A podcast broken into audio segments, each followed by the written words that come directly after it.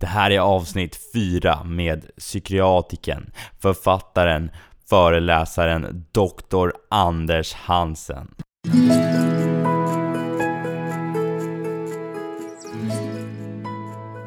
Välkommen till Bli din bästa version.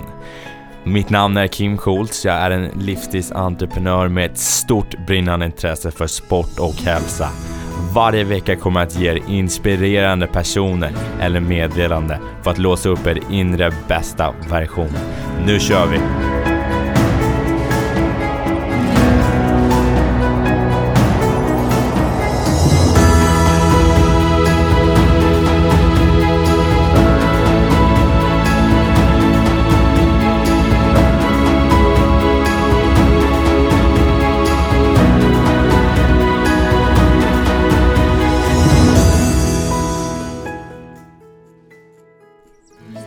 Idag träffar jag Dr. Anders Hansen. Anders är en psykiatriker som har skrivit boken Hjärnstark, hur motion och träning påverkar vår hjärna. Han är med och driver podcasten Psykiatrikerna. Han har medverkat som medicinsk expert för TV4s Vardagsplus och Malou efter 10. Anders har även medverkat i Vetenskapernas Värld i TV. I dagens avsnitt pratar vi om vilka positiva saker träning medför sig på hjärnan. Om vi kan förändra vår hjärna, vi pratar hur ofta vi ska träna, eh, kan vi styra vår hjärna? Vi pratar om vilken träning är bäst för hjärnan. Kan stress krympa hjärnan? Vi pratar även om stress är bara negativt för oss. Eh, ett riktigt spännande och lärorikt avsnitt. Dagens sponsor är Akademi Coachstjärnan. Jag kan starkt rekommendera dem då jag själv har gått en diplomerad coachutbildning hos dem och har lärt mig coachning. Coaching är en professionell samtalsmetodik som fokuserar på att nå uppsatta mål och resultat. Det har varit en grym atmosfär, en grym gruppatmosfär. Alla som gick kursen har varit väldigt inspirerande, de har varit väldigt peppande, de vill lära sig nya saker och de vill ha en förändring. Upplägget på kursen har varit väldigt praktiskt och det har passat mig väldigt bra. Jag är lite mer praktiskt lagd. Eh, så vi har, vi har coachat under kurs kursdagarna och utöver kursdagarna så har vi haft coachingklienter. Och upplägget har ju som sagt varit helt fantastiskt. Lärarna har också varit väldigt fantastiska. Riktigt inspirerande, väldigt peppande, väldigt professionella, supportande och väldigt pedagogiska och väldigt, väldigt bra på att lära ut coachning. Alla som är intresserade av coachning, lyssna nu. Ni kan få 1000 kronor i rabatt om ni bokar en utbildning och anger mitt namn, Kim Schultz. Så gå in på www.coachstjärnan.se och ange koden Kim Schultz och få 1000 kronor i rabatt. Utan vidare introduktion, här kommer Anders Hansen. Välkommen tillbaka till podcasten Bli din bästa variation. Nu har jag med mig Dr. Anders Hansen, välkommen! Tack! Eh, jag fick först reda på dig eh, faktiskt genom Niklas Wikegård. Han, eh, han la ut din bok Järnstark via sina sociala medier. Då läste jag på mer om dig och läste även din bok. Och blev väldigt fascinerad av och intresserad av hur träning påverkar vår hjärna och hur hjärnan påverkar oss. Och det känns som idag att det är större än någonsin med mentala och psykiska problem. Stämmer det? Ja, det är en bra fråga. Det, det är definitivt fler människor som söker vård idag för psykiska problem. Det har ökat väldigt kraftigt och det har ökat väldigt kraftigt hos unga. Mm. Eh, beror det på att man mår sämre idag än tidigare? Det, det skulle kunna bero på det men det skulle också kunna bero på att det är ett minskat stigma att söka. Att man eh, inte skäms lika mycket för det. När jag gick gymnasiet för drygt 20 år sedan då var det liksom om man skulle ha kontakt med psykiatrin då, då skulle man vara svårt psykiskt sjuk i princip. Mm. princip. Och, och, eh, och, därför så sökte nog inte många och det, gör, och det gör man idag på ett annat sätt. Och det tror jag är bra i grund och botten. Att, att, att stigmat har minskat. Är det så att man mår lite sämre då? Finns det en sån komponent? Och det finns en del som tyder på det hos unga i alla fall när man har mätt man mäter över tiden. Det är svårt att göra sådana mätningar naturligtvis men det finns ändå en del som tyder på att att vi kanske mår lite sämre nu, i alla fall unga gör det. Mm. Nej men det är ju bra att folk söker den hjälpen, eh, att det har blivit mer, ja men att folk idag söker den hjälpen, det tycker jag är superbra. Så det Absolut. går ju åt rätt håll. Ja, precis. Och, och, det håller jag med dig om. Men det betyder inte att nödvändigtvis att alla som söker hjälp ska ha behandling i form av medicin.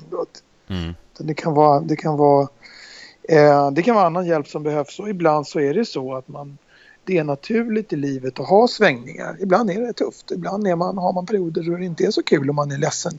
Till exempel efter en separation eller efter eller efter om något har hemskt i omgivningen, man har fått sparken eller någon har gått bort i ens omgivning. Då är det tufft och, då, och det måste livet kunna vara utan att man ser på det som en sjukdom.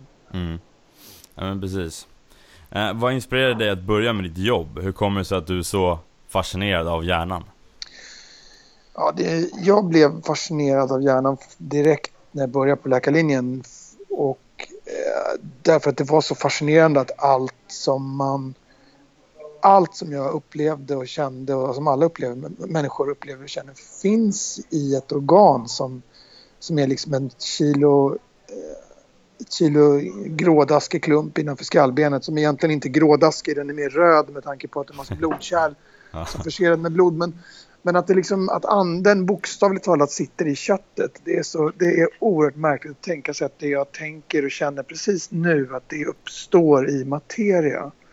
Och jag kommer ihåg en sån här aha-upplevelse. Det var när jag höll i hjärnan första gången och liksom fick en sån här nästan svindlande känsla av att allt den här människan hade upplevt eh, från vaggan till graven, bokstavligt talat allt från liksom första dagen i skolan till studenten till giftermål till att ha fått barn till att ha blivit gammal och sjuk. Allting låg i den här klumpen. Allting hade skett här på något vis. Mm. Och det i ett organ som vi då dessutom vet så lite om vi vet ganska mycket om hjärnan, mer basala funktioner, hur vi koordinerar rörelse och hur synintryck och sådär processas, det vet vi. Men när det gäller högre hjärnfunktioner, personlighet, impulskontroll, abstrakt tänkande och så, då vet vi ganska lite faktiskt. Även om de sista åren har lärt oss oändligt mycket mer så är det fortfarande så att vi har bara skrapat på ytan mm. kunskapsmässigt eh, vad gäller komplexa hjärnfunktioner. Och jag, ville vara en, jag kände att jag ville liksom jobba inom det fältet och lära mig mer om det, följa med i den utvecklingen. Ja, häftigt. Det låter ju... Nej, väldigt häftigt när du beskriver när du står och håller i hjärnan. Det låter ju... Ja, wow. Ja, det, är lite, det, det var lite så här awakening-upplevelse liksom. Mm. man, det, var, det var en konstig känsla. Mm. Uh, vilka positiva saker medför sig träning på hjärnan? Fysisk aktivitet har visat sig vara eh, ofantligt viktigt för hjärnan då, och att i princip så stärks alla tankemässiga förmågor vet man idag. Minne, kreativitet, koncentration eh, blir bättre om man är fysiskt aktiv. Och man vet också att man tål stress bättre och naturligtvis så mår man bättre av det. Och det tycks faktiskt också som att hjärnan är ett av de organ, eller kanske det organ som stärks allra mest av att man är fysiskt aktiv. Och det, låter, det kan låta så märkligt för att eh, man tycker att hjärngympa skulle vara så duck och korsord och sådär. Det hade jag gissat i alla fall. Men det, men det är inte så utan den senaste årens hjärnforskning har avslöjat hur vansinnigt viktigt det är för hjärnan att man är fysiskt aktiv. Och när jag skrev den här boken så vill jag då dels vill jag lyfta fram det för jag tyckte inte att det fick tillräcklig uppmärksamhet alla gånger. Sen vill jag också förklara det i ett evolutionärt perspektiv. Varför är vi människor gjorda för rörelse? För det är vi. Mm. Varför är hjärnan utvecklad för rörelse? Och det beror på att vi människor har under miljoner år av evolution varit helt beroende av att röra på oss för att överleva. Om vi inte har gjort det så har vi inte fångat några mat, någon mat och då har vi inte sprungit ifrån några faror och vi har inte upptäckt några platser att bo på. Den som har suttit ner har bokstavligt talat gått under på det här sättet förstår man på ett annat sätt varför evolutionen har slipat vår hjärna på ett sätt som, som gör att den stärks av fysisk aktivitet. Och det, är liksom, det kan tyckas märkligt i vårt samhälle för vi lever i en tid då vi inte behöver ta ett steg. Vi kan, vi kan överleva ändå. Vi kan bestämma hem, hem maten till dörren numera. Vi behöver bokstavligt talat inte ta ett steg. Och därför så associerar vi att man springer, den enda associationen vi gör till det, det är motion. Vi tänker på sport då. Och jag vill plocka bort den associationen och försöka förklara för människor att fysisk aktivitet är något mycket mer grundläggande för oss än bara idrott. Det har ingenting med sport att göra egentligen. Utan det är något som vi behöver för att kunna fungera. Därför att vi har alltid behövt det för att kunna fungera under vår historia. Och nu har vi förändrat vår värld oändligt mycket på bara några hundra år. Men, men biologin är oförändrad. Vi ser likadana ut som för tusen år sedan eller för den del 10 eller 20 tusen år sedan. Det har inte förändrats någonting. Hjärnan är likadan. Och den har formats i, under miljoner år i en värld där vi har varit beroende av att röra på oss. Jag tyckte liksom att den här associationen till idrott och synen på fysisk aktivitet som kanske nästan något antiintellektuellt. Den vill jag eh, plocka bort. Och jag vill försöka göra det, göra det mer förståeligt i det här evolutionära perspektivet. Då, liksom. Nej, det är sjukt häftigt att träning kan liksom påverka både minnet, koncentrationen, eh, att vi mår bättre, vi är inte lika stressade, vi är mer kreativa. Bara alltså genom träning och röra på oss, det tycker jag, ja, så, för mig är det jäkligt så, häftigt. Alltså. Visst är det, och det, det är också så att man, man, tänker efter, hur hade det här... Om man hade haft en tablett som åstadkom det här, om det fanns en tablett som gjorde att man presterade nästan 60% bättre på kreativitetstester en timme. Mm. Det är stora skillnader. Då hade alla känt till en sån tablett. Den hade varit oerhört hårt marknadsförd och det hade legat såna tabletter i varenda, varenda arkitektbyrå eller reklambyrå eller you name it. Alla arbeten som hade haft någon typ av kreativ komponent i jobbet hade haft sådana där tabletter stående i skålar som hade folk hade knaprat dem som tic-tacs. Mm. Och det, den hade man kunnat ta hur mycket som helst betalt för och den hade alla känt till den här tabletten. Och nu blir det, här, blir det här någonting som bagatelliseras av den anledningen att det finns inte lika mycket pengar att tjäna på det här. Och kreativitet är bara ett av områdena. Om man visar att, man, att minnet förstärks av fysisk aktivitet och en delar av hjärnan som är viktiga för minnet växer till, blir fysiskt större. Man bromsar åldrandet av dem eh, genom att röra på sig. Hade det varit en tablett som hade åstadkommit något sånt, då hade en sån tablett kallats för Brainera eller något sånt där hade den, och det hade varit världens mest sålda läkemedel. Ja. Det hade alla köpt det. Så det, den här liksom snedvridningen i vår kunskap om de här sakerna den vill jag också försöka liksom utmana lite grann och den här snedvridningen tror jag beror på kommersiella faktorer framför allt. Det har inte funnits lika mycket pengar att tjäna i att förklara att man blir mer kreativ av att träna eller att träning är ett rent antidepressivum. Det är en antidepressiv medicin. Men naturligtvis finns det oändliga pengar att tjäna i en tablett som hade kunnat göra oss mer kreativa eller i antidepressiva mediciner. Mm. Därmed inte sagt på något sätt att antidepressiva mediciner är dåliga, för det är de inte. De gör jättestor skillnad. De är livsavgörande för vissa. Men jag tror att den här synen vi har att det är bara... Vi förstår att mycket vi förstår att det vi tänker och det vi känner och det, hur vi mår det sitter i huvudet. Det förstår nästan alla människor i dagens samhälle. Men då, då drar man slut, felaktigt slutsatsen att det är bara tabletter som kan förändra biologin. Och så är det inte. Fysisk aktivitet förändrar också biologin i hjärnan. Det är i högsta grad en biologisk behandling. Delar av hjärnan växer till. Hjärnan tycks arbeta annorlunda. Man släpper ut dopamin, serotonin och noradrenalin som är ämnen som gör att man mår bra och fungerar tankemässigt kort och gott. Man vet också att psykoterapi är en biologisk behandling som förändrar hjärnan. Så vi måste liksom gå ifrån den här synen tror jag att allt bara ska lösas med en tablett. Nej men det tycker jag är jättebra också att, eh, att, man inte alltid ska behöva ta tabletter. Eh, att, ja, men som, att fysiskt påverkan, att det påverkar liksom kroppen och hjärnan i en positiv riktning. Och det tycker jag helt rätt också att man inte alltid ska börja använda sig av mediciner om man absolut inte behöver det. Nej, precis. Sen, men sen är det ju också så att mediciner är ju bra. Psykofarmaka har gjort jättestor skillnad för många människor. Det har varit livräddande för mängder av människor. Så jag vill inte klanka ner det. Mm. Jag vill lyfta fram det alternativet som får för lite uppmärksamhet. Och anledningen till att det har fått för lite uppmärksamhet tror jag kort och gott är pengar. Och sen är det också så att effekterna på hjärnan kunskapen om det är något som har exploderat de sista tio åren. Det, det är egentligen först de sista 10-15 åren vi har förstått hur viktigt det är att vara fysiskt aktiva för hjärnan. Och framförallt så är det de sista 10-15 åren vi har förstått vad som händer när vi är fysiskt aktiva. Det, eh, den kunskapen är ny och den måste bli allmän egendom och den kommer bli allmän egendom. Det tror jag. Alla kommer känna till det här och jag tror personligen att om 15-20 år så tror jag den huvudsakliga anledningen till att människor motionerar det kommer vara för hjärnans skull.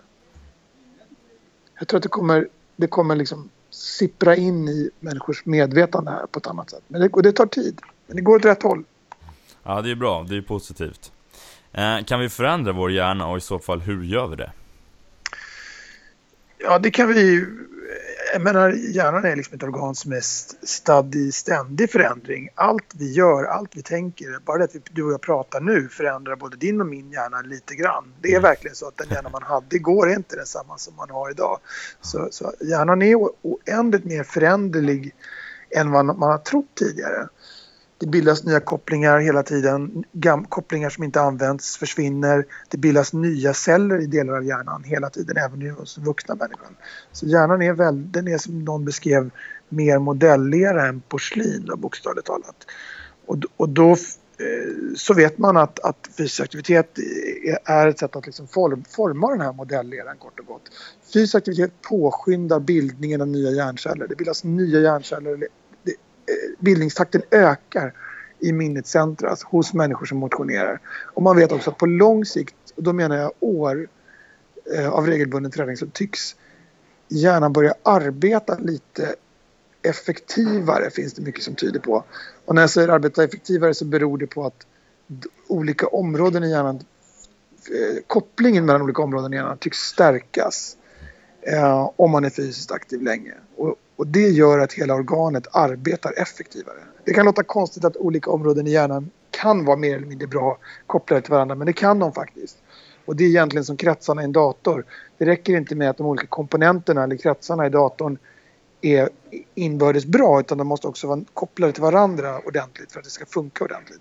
Och så är det med hjärnan. Den behöver vara väl integrerad med sig själv så att säga. Den behöver ha områden som är nära kopplade till varandra och den, det kopplingsmönstret tycks förstärkas av fysisk aktivitet. Och det gör kort och gott att hela organet verkar arbeta effektivare hos fysiskt aktiva. Och det gör i sin tur att tankemässiga förmågor då, som minne, kreativitet, koncentration och så vidare fungerar bättre om man är regelbundet fysiskt aktiv. Oh, wow, det, det är ju alltså ashäftigt tycker jag verkligen att man genom fysisk aktivitet kan man liksom ja, men, få nya hjärnceller och ja, men, bättre koncentration och minne. Det är liksom Nej, det, det, det, nej, det är kraftfullt. Det är stort tycker jag. Verkligen att det... Mm. Eh, påverkar kosten vår hjärna? Ja, det gör det nog lite grann. Jag, alltså jag är ingen expert på det, eh, så att jag vågar inte svara. Men jag tror man kan säga så här att det skrivits mycket om kosten och hjärnan eh, sista tiden. Och, och sanningen är den att man vet inte särskilt mycket om det. Det har inte gjorts så många välgjorda studier. Det är så här med forskning att det presenteras en studie om hjärnan eller om psykiatri eller neurologi var fjärde minut året om.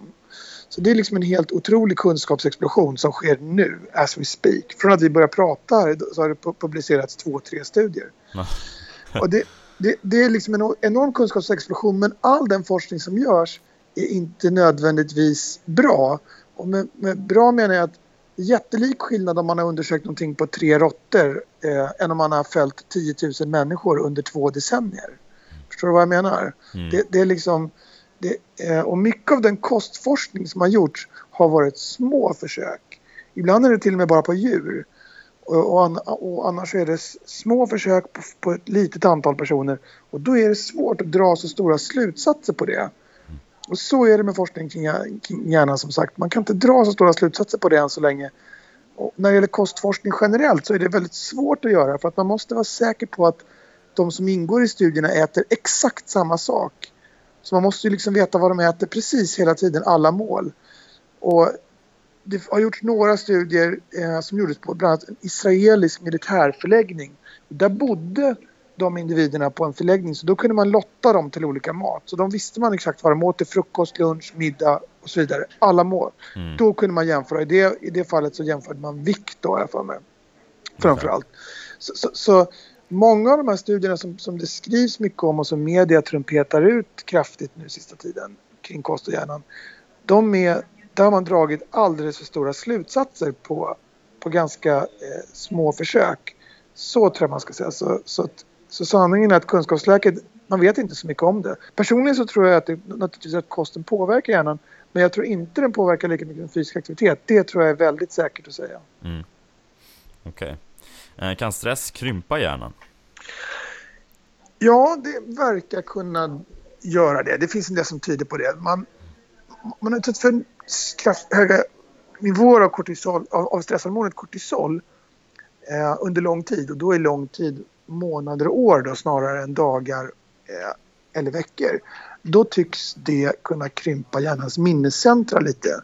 Och det vet man efter att man har sett apor som har utsatts för stark stress. De, där krymper minnescentrat, hippocampus. Och man har också sett hos människor som har utsatts under kraftig stress, men då var det väldigt kraftig stress, att deras hippocampus var mindre. Så mycket tyder på det, även om inte sista ordet är sagt i den forskningen. Mm. Men sen vet man inte, det man inte vet är hur kraftig stress är det då? Är det liksom vansinnigt kraftig stress och som vid man utsätts för något livshotande som krymper hjärnan eller är det mer vardagsstress? Och det är svårt att säga än så länge. Det man vet är också att den här eh, eventuella krympningen då, eller förmodade krympningen ska jag säga, den återhämtas när man sen slutar stressa. Mm. Man ser det ofta hos patienter som har utsatts för stress under lång tid och som drabbas av utmattningssyndrom. Att de fungerar sämre tankemässigt. De minns inte. Men närminnet kan nästan vara borta. Och, och um, jag har patienter som har svårt att slå pinkoder och sådana här grejer. De, de, de, funkar inte tankemässigt. Minnet, koncentrationen är kraftigt nedsatt. Och de personerna måste vila. Det finns ingen väg runt det. De måste eh, sjukskrivas antingen hel eller deltid och trappa ner kort och gott. Och när man väl gör det så återhämtas hjärnan. Det tar tid men man blir i de allra flesta fall normal. Så den här eventuella krympningen återhämtas då kort och gott. Mm. Men är stress, är det bara negativt då? Absolut inte. Och det är viktigt att betona det att vi behöver stress för att kunna fungera. Stress är, en, är, en, är, är oerhört viktigt i oss. Om vi inte, det fanns i kroppen skulle vi inte kunna fungera. Vi skulle inte må bra heller om vi inte hade det. Eh, så att kortvarig stress är, är, helt avgörande för vår funktion. Eh, men långvarig stress och som sagt månader, år tycks en del människor ha en känslighet för. Och det, är väldigt, det här är väldigt individuellt. individuellt. Det är stora skillnader mellan olika individer. Vissa personer kan stressa hur mycket som helst under många, många år och de kommer inte eh, att må dåligt av det. De fungerar tvärtom bra. Men vissa tycks ha en ökad känslighet för det här för långvarig stress just. Och det kanske beror på då genetiska faktorer tror man. Eller att det kan spela in i alla fall. Man liksom föds med en sårbarhet för långvarig stress. Då. Mm. Okej. Okay. Eh, spelar det någon roll hur gamla vi är för att träning ska stärka vår hjärna? Nej, kort och gott. Man har visat effekter över hela eh, livsspannet. Man, allt från små barn till 80-90-åringar som tränar. Så man går från en inaktiv livsstil till en, till en eh, livsstil där de kanske börjar ta regelbundna promenader eller göra något sånt. Det, mm. Då har man kunnat visa positiva effekter. Så det gäller precis, det, det är aldrig för sent bokstavligt talat. Okej. Okay. Uh, eh, kan vi styra vår hjärna? Ja, absolut, det kan vi ju naturligtvis. Eh, men vi kan inte styra allting och vi är hur, mycket, hur stor del av Eh, bara det att du väljer att, att uh, gå upp i morse innebär ju att, att, att du delvis uh, styr din hjärna. Men, men, samtidigt så är vi också uh, resultatet av mentala processer som vi inte rår över bara du kan ett extremt exempel är om du lägger din hand på en platta som är varm. Då kommer du dra undan handen. Och det kommer du göra även om du bestämmer dig för att hålla fast den. Det går inte, det är en reflex. Och, och många tankemässiga eh, processer tros vara just sådana som vi har väldigt svårt att styra över. Och då, trots, att, trots att vi vill. Så, så hur mycket vår fria vilja, hur mycket fri vilja vi egentligen har Eh, det är något som är enormt omdebatterat. Det är en stor fråga för både neurovetare och hjärnforskare och filosofer också så att säga. Mm. Nej men jag tycker det var hela den här tärningsgrejen som du nu har berättat om att det påverkar vår hjärna. Jag känner att jag har någonstans jag spelade fotboll när jag var ung och spelade på rätt hög nivå eh, Även när jag mm. var lite äldre. Eh, Och då mådde jag jättebra eh, Under den tiden, det var liksom Från 5 upp till 17-18 någonstans. Och sen slutade jag där någonstans med, eh, med min träning då eh, Både vid sidan och vid fotbollen. Och eh, där någonstans efter det, då blev jag liksom lite deprimerad kände jag att jag hade liksom Jag mådde inte lika bra när jag inte var fysiskt aktiv. Ehm, Det var någonting jobbigt som kom in i mitt liv, jag fick lite panikångest, jag blev deprimerad. Ehm, Och där kan jag verkligen känna igen det, det du säger. När man mm. är fysiskt aktiv, då är man men man är starkare man mår bättre. Man har inte den här stressen. Man har inte Man blir inte lika rätt deprimerad känner jag. Och det känner jag nu också sen jag började träna efter att jag mår så mycket bättre. Så jag kan verkligen relatera till, till det du säger liksom Ja, precis. Det, det är roligt att höra att, att säga det. Det är så många som har beskrivit det på, på, på, på ett sätt som är liknande ditt, att man blir mer tolerant mot stress och det vet man att man blir rent fysiologiskt. Man tål ökad stress, framförallt stresshormonet kortisol, bättre om man är i bättre form. Det har man visat hos barn också. Barn som utsätts för stresstester reagerar inte lika starkt eh, med samma kortisol kortisolpåslag om de tar många steg per dag. Mm. Så, så, kopplingen mellan eh, stress och mående och hjärnan är enormt stark. Men inte nödvändigtvis så att alla effekter kommer omedelbart. Man mår bättre av en enstaka promenad eller löptur men för att få de här stora effekterna minskad risk för depression, och, och liksom en, en sänkt aktivitet i stresssystemet så då krävs det regelbundenhet, att man håller på månader och då sakta så kommer det här så att säga. Så jag, och jag menar det vet ju både eh, du och jag och alla som lyssnar att, att det finns en, en jättelik hälsotrend i samhället idag där man springer olika långlopp och, och 2000 personer med Ironman och sådär. Och liksom folk postar Instagrambilder på sina, på sina idrottsliga bedrifter och sådär. Men så finns det stora grupper som bara, jag orkar inte vara en del av det där. Det är inte jag. Jag, jag hör inte till dem. De känner att det liksom är en, de vill inte vara en, det här är inte deras identitet på något vis. Och mycket av den här boken skrev jag till dem för att förklara att det här, glöm allt det där, skit i hela megahälsoindustrin. Men se till att göra någonting för att det här handlar om något mycket mer basalt än att vara sportig. Det har ingenting med sportighet att göra. Det här handlar om att vi ska fungera så bra som möjligt. Både kroppen men framförallt hjärnan. Därför att vi är skapta för det. Och hur vi än vrider och vänder på det så, så har evolutionen byggt in det här i oss. På ett sätt så att, att, vi, att huvudet kommer fungera bättre om vi rör på oss. Och det märker jag att, att många tar till sig det budskapet som kanske inte normalt tar till sig den här typen av hälsobudskap. Då. Vad, vad, vad, kan man köpa i en bok förresten? Är det liksom på Adlibris? Ja, det finns överallt. Ja. Överallt ja, kan man köpa den. Ja. Och den heter ju Hjärnstark. Hur motion och träning kan stärka din hjärna.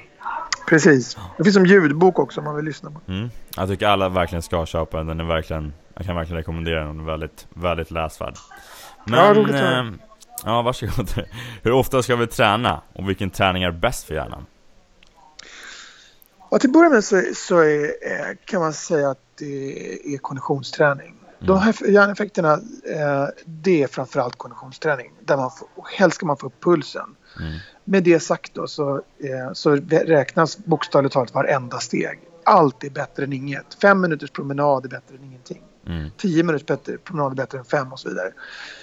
Ska man göra maximalt för sin hjärna utifrån perspektivet fysisk aktivitet då ska man springa tre gånger i veckan. Helst 30 till 45 minuter per gång. Mm.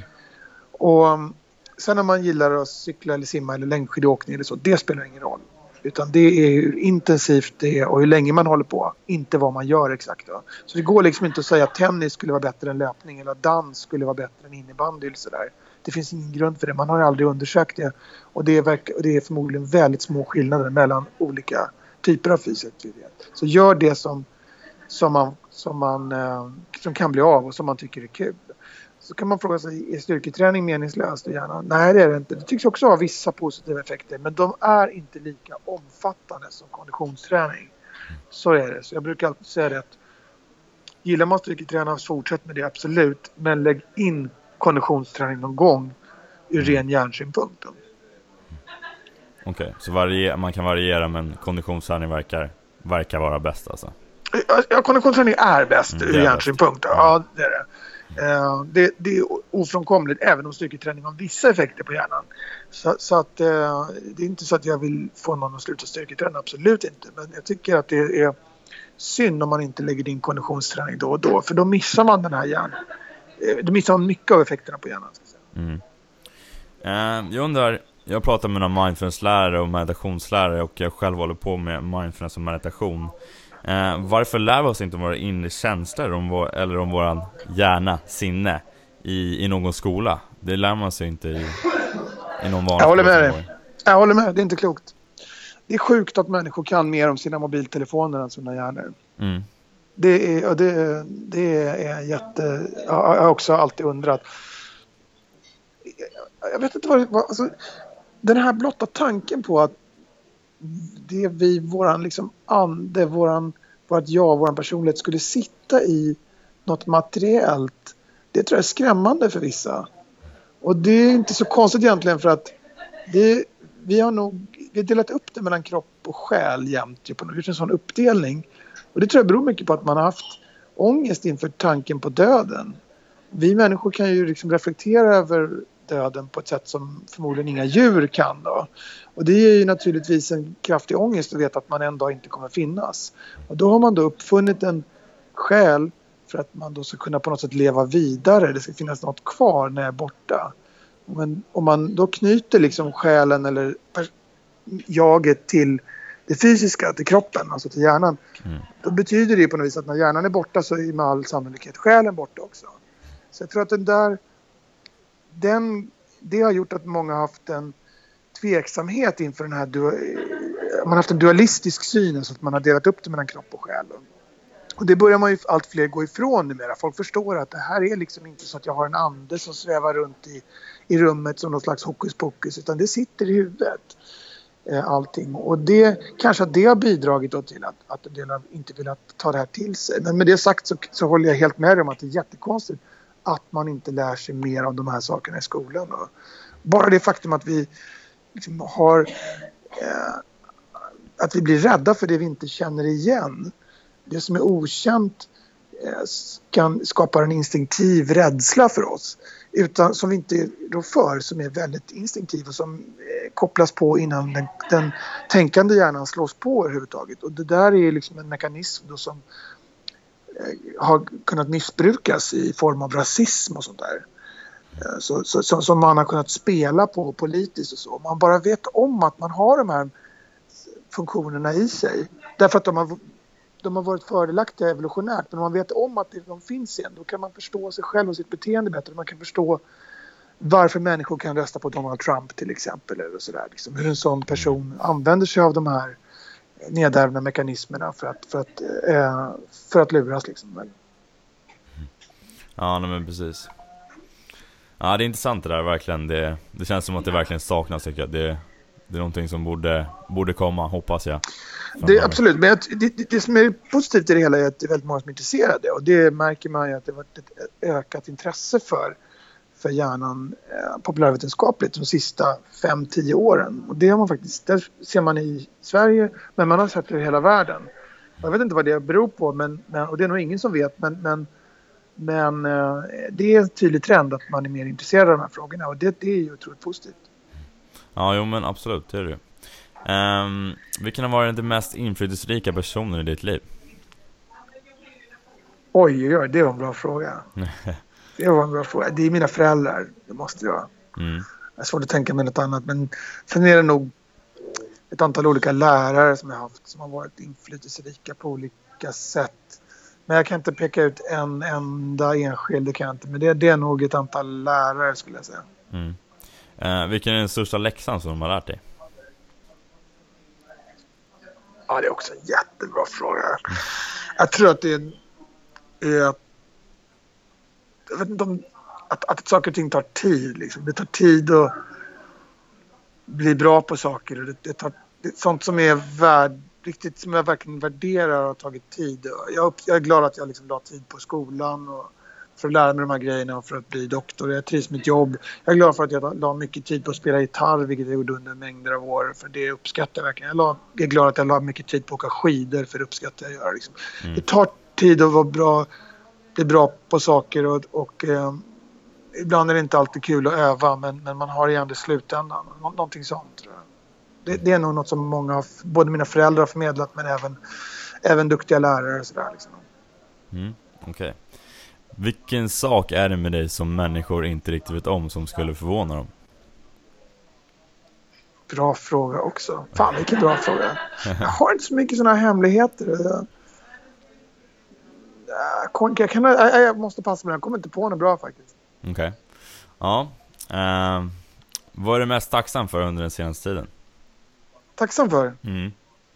Det är för att jag får jobba med det jag vill och uh, uh, har ett relativt ett jobb som jag kan styra över och som jag är, eh, känner för och brinner för. Liksom, måste jag säga. Det är jag tacksam för. Och slipper göra något som jag i grund och botten känner att det här är poänglöst. Jag, det, ja, det skulle jag säga.